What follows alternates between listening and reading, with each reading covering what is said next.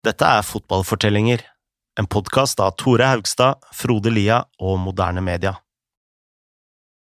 Sommeren 2006 skal Barcelona bygge videre på sin storslåtte dobbelttriumf. Med nye signeringer, Ronaldinho i toppform og Messi på vei opp, skal laget være nærmest umulig å stoppe. Men så går Barcelona i den største fellen et topplag kan gå i. De begynner å slappe av.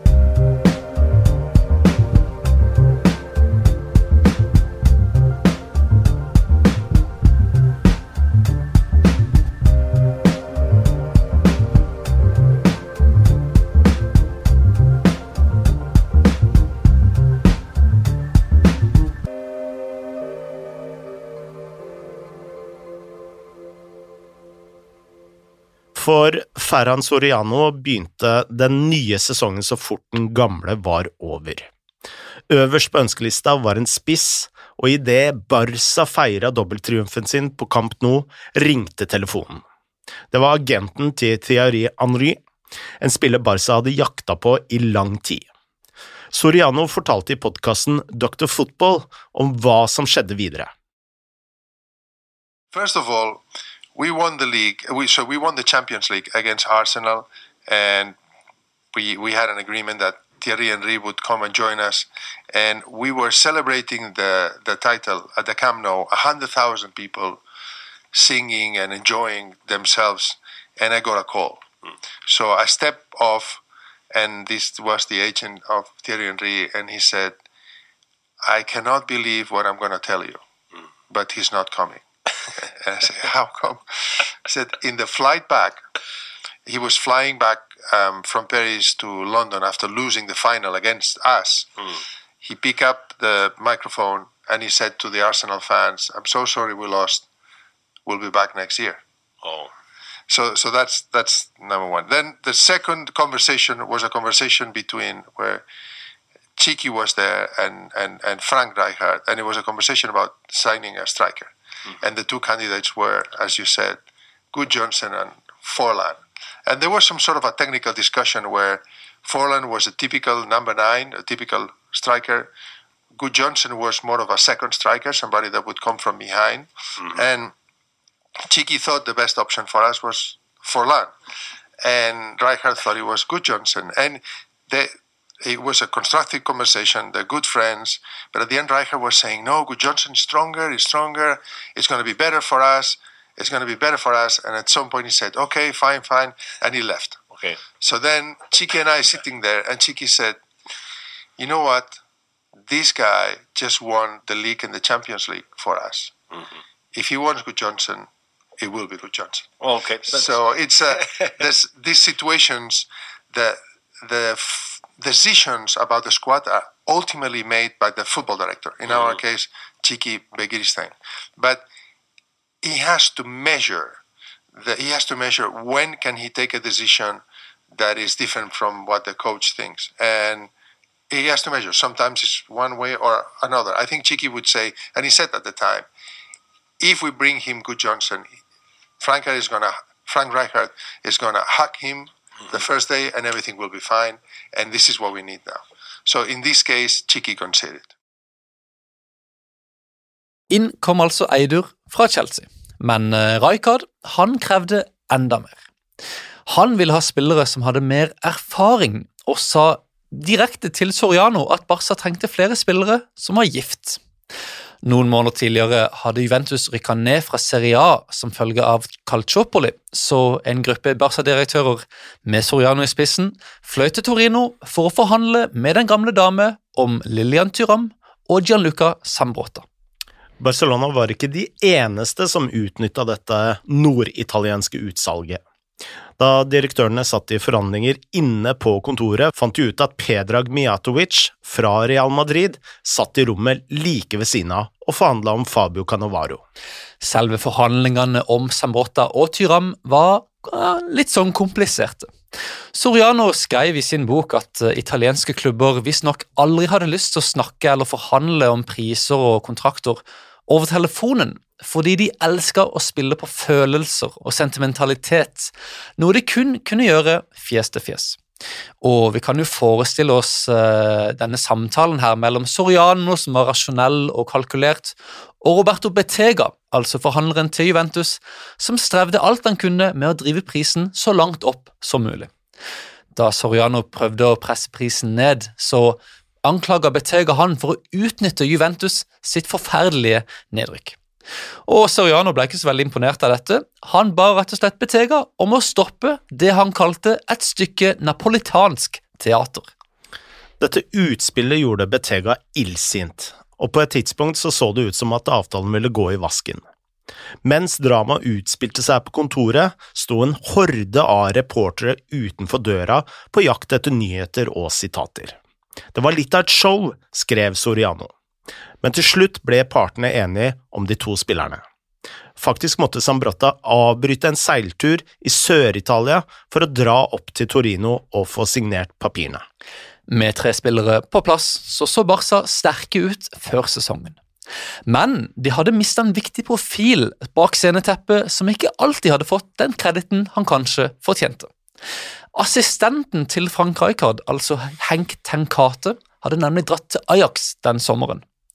Han og Rijkaard hadde kjørt den klassiske good cop, bad cop-taktikken.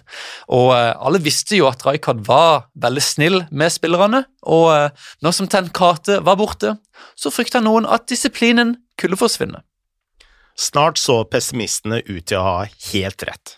I slutten av august dro Barcelona til Monaco for å spille supercupen mot Sevilla. Kvelden før finalen inviterte Rijkaard en nederlandsk popgruppe til å synge like ved middagsbordet hans. Samme natt lot han spillerne være ute så lenge som de bare ville, og neste dag fikk de helt fri. Ronaldinho dro på en fotoshoot med en sponsor, mens resten av stallen lunta rundt i byen. Sevilla brukte hver eneste time til å forberede seg til kampen. Senere den kvelden tapte Barcelona 3-0. Og nå måtte Barcelona overbevise både seg sjøl og resten av verden om at denne smellen kun var en litt sånn dårlig dag på jobben. I ligaen begynte de bra, med fem seire på seks ligakamper, men så tapte de 2-0 på Santiago Bernabeu, og allerede nå så følte noen av direktørene på Camp Nou at Rijkaard hadde begynt å slappe av. En av disse var Soriano, som hadde sett Rijkaard jobbe ti timer om dagen da han først ble ansatt i 2003. Nå dro Rijkaard hjem mye før, og denne slappheten var i ferd med å smitte over på spillerne. Like før jul spilte Barcelona finalen i klubb-VM mot brasilianske Internasjonal, og tapte. Etterpå ga Rijkaard et par ekstra dager fri til Marquez, Deco og Ronaldinho. Da de skulle dra tilbake fra ferien, dukka de opp for seint, og likevel slapp de unna straff. Men det var noen i klubben som nekta å akseptere denne sløvheten. Samuel Eto'o hadde vært ute av troppen med skade siden september, og eh, da han kom tilbake til trening og så Ronaldinho ligge og lunte rundt og Deko som knapt løp, og all den sløvheten og slappheten og standardene som hadde falt, så ble han så forferda at han gikk rett til Laporta og sladra. Og Laporta lovte to at her skulle de stramme opp og fikse ting, men uh, det hadde ikke skjedd før uh, to sjøl havna i trøbbel. Da Barcelona møtte Racing Santander i februar, så startet han på benken, før Rijkaard anklagde han for å nekte å spille og komme innpå. Og så gjorde Ronaldinho vondt verre ved å fortelle pressen at Eto rett og slett hadde svikta laget. Selvsagt kom en type som Eto aldri til å bare la dette ligge. Han ble stille i et par dager, men da han senere skulle signere bøker under en boklansering, eksploderte han totalt. Han beskrev Rashad som en dårlig person, og hevda at det fantes fortsatt en intern krig mellom de som støtta Lapoita og de som støttet Rosell. Eto avslutta med å si at en viss lagkamerat mente at han burde sette laget først. Så burde den spilleren faktisk gjøre det samme selv. Ja, og det var jo et stikk til Ronaldinho, og eh, for lagets moral så var jo dette utspillet katastrofalt. Og uh, selv om to og Ronaldinho fort ble venner igjen, så uh, var jo noe ødelagt internt i stallen. Snart gikk Barca på stygge tap i Valencia, i Sevilla, i Saragossa og i Villarreal. De røk også ut av Champions League mot Liverpool, som kanskje er mulig å forsvare, eller i hvert fall forklare, men nederlaget som virkelig oppsummerte selvgodheten i Barcelona, den kom i Copa del Rey, hvor de slo Getafe 5-2 hjemme, senka skuldrene, trodde de var videre, og så tapte 4-0 på bortebane. Nå som Barcelona var i oppløsning, skulle man jo tro at rivalene bare cruisa forbi. Men også Real Madrid var i krise. Fabio Capello hadde hevdet at laget hørte til på midten av tabellen, og ville egentlig si opp i februar. Likevel var det heller ingen andre lag som hadde ting på stell, så disse to gigantene halta mot tittelen side om side.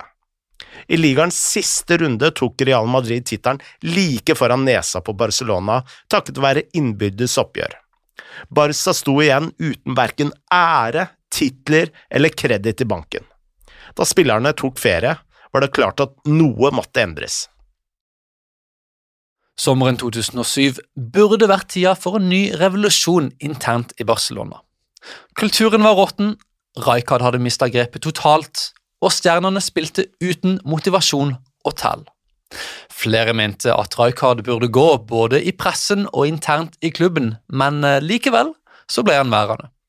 Og Soriano han så jo hva som skjedde her, og han var jo smart nok til å skjønne at dette ikke helt fungerte. Så Hvorfor gjorde ikke styret flere endringer denne sommeren? This is one of the challenges of this business, of the business of football. I, I've been in this business for many years now, but this is not what what I started working on or what I learned. I've been in, in, in other industries. I've been in the telecom industry, in the fast consumer goods industry, and fast moving consumer goods industry, and also in aviation. Football is different because there is emotion. Mm-hmm. There's a degree of agree a degree of emotion that sometimes does not allow you to make the right decisions. And you're talking about a period where at FC Barcelona we went from nothing to win the league and the Champions League at the same year. Mm-hmm. So one year later we could see the decline in some of the elements of the team, but I would say we didn't have the guts mm-hmm. to make the changes because there was emotion. Um, I remember having a conversation with Frank Rijkaard mm-hmm. and, and, and telling him this is not working. You have to be stronger with the team and, and ask for more commitment and more work. And Frank Reichert said, Yeah, I understand, but you know what? I love these players. Mm. Det sa tonen for en sommer hvor Barca var for snille med Rijkaard, og hvor Rijkaard var for snille med spillerne. Også direktørene var for lojale mot stjernene. Da en klubb tilbød dem 60 millioner euro for Ronaldinho, takka de nei, selv om alle kunne se at han var langt forbi sitt beste.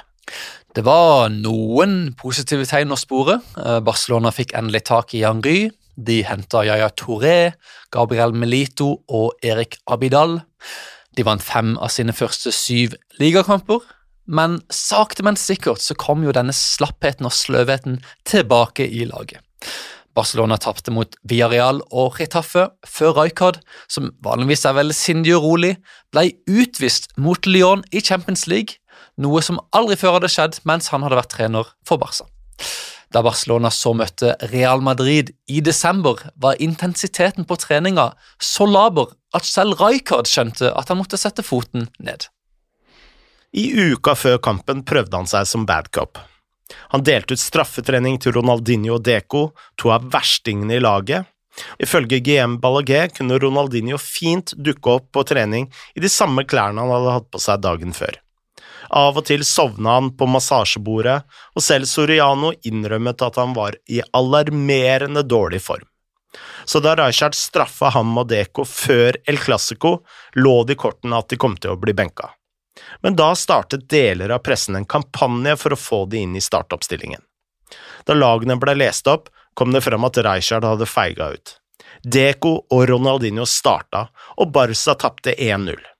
Senere sa en spiller til Soriano at så fort de to navnene ble lest opp, mista Rijkaard det lille som var igjen av spillernes respekt. Og ting skulle heller ikke bli bedre for Barca utover i sesongen. For å høre litt om hvordan moralen og standarden egentlig var, så kan vi jo høre om en historie fra Giembalagé, som skriver at A-laget og B-laget senere møtte hverandre i en intern treningskamp.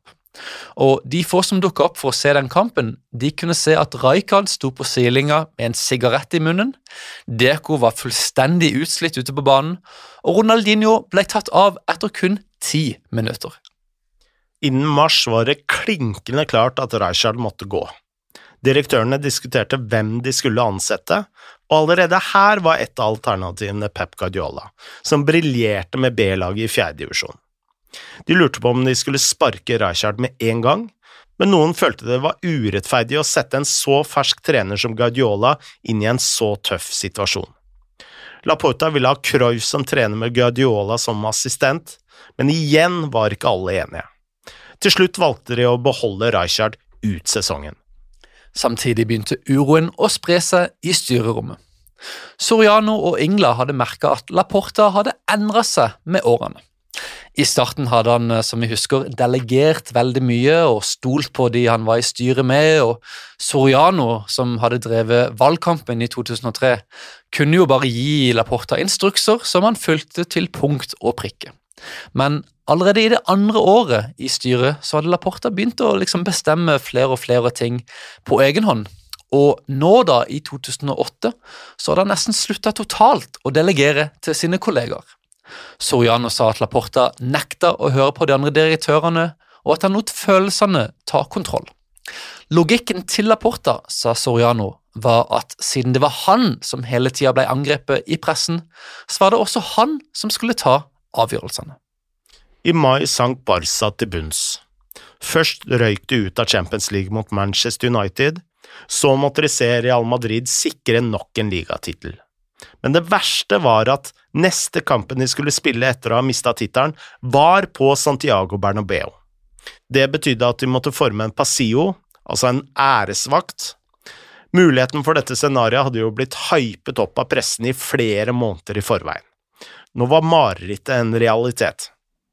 I kampen før hadde Deko og Eto tilfeldigvis sørga for å få gule kort, som gjorde at de slapp å spille den forferdelige kampen på Santiago Bernabeu. Før El Clásico kjørte Marca en forside hvor de viste banen med to prikkede røde linjer på hver sin side av der spillerne skulle komme ut, bare for å vise Barca-spillerne hvor de skulle stille opp og applaudere. Fansen eh, på Santiago Bernabeu sikla selvfølgelig etter å se Barcelona motvillig hylle de nye mesterne, og Sid Lowe skrev om ei mor og en sønn som dukka opp kun for å se æresvakter, for så å dra igjen fordi han hadde skole neste dag. Hadde moren og sønnen blitt til kampslutt, hadde de sett Real Madrid smadre Barcelona 4-1. Dagen etter var forsiden på Sport helsvart. Barca endte til slutt 18 poeng bak Real Madrid. Utenfor banen var Barca fortsatt robuste, og siden 2003 hadde de økt inntektene sine raskere enn noen annen klubb i verden. Men sportslig sett hadde de nå møtt veggen, og så tungt sleit klubben at selv håndball- og basketlaget var i trøbbel. Dette var dømt til å øke presset på styret. Sommeren 2008 presenterte en gruppe fans et mistillitsforslag mot Laporta, akkurat som Laporta sjøl hadde gjort med Núñez på 90-tallet. Hele 60% av de som stemte, ville at Laporta skulle gi seg som president umiddelbart. Dette var ikke nok, fordi de måtte ha over 66,6% for å tvinge Laporta ut, men det var en klar tale blant fansen om at de ville ha en endring. Laporta rista på hodet og sa at nei, jeg blir værende likevel, men eh, Soriano, Ingla og seks andre direktører mente at situasjonen var blitt uholdbar. De hørte på fansens meninger og sa rett og slett opp. Dette var slutten på den originale revolusjonen til Laporta. Det var kun nå ni direktører igjen i styret som hadde vunnet valget i 2003. Laporta ble værende som president frem til 2010, da Rosell tok over. To år senere dro Soriano og Tixiki til Manchester City, mens Rosell kasta ut Cruyff, bytta UNICEF med Qatar og endte til slutt i fengsel. Senere skulle Laporta si at Barcelona hadde blitt kidnappa, og at alle de gamle verdiene nå var borte. I det stille planla han en ny valgkamp, med mål om å igjen gjøre Barcelona til noe mer enn en klubb.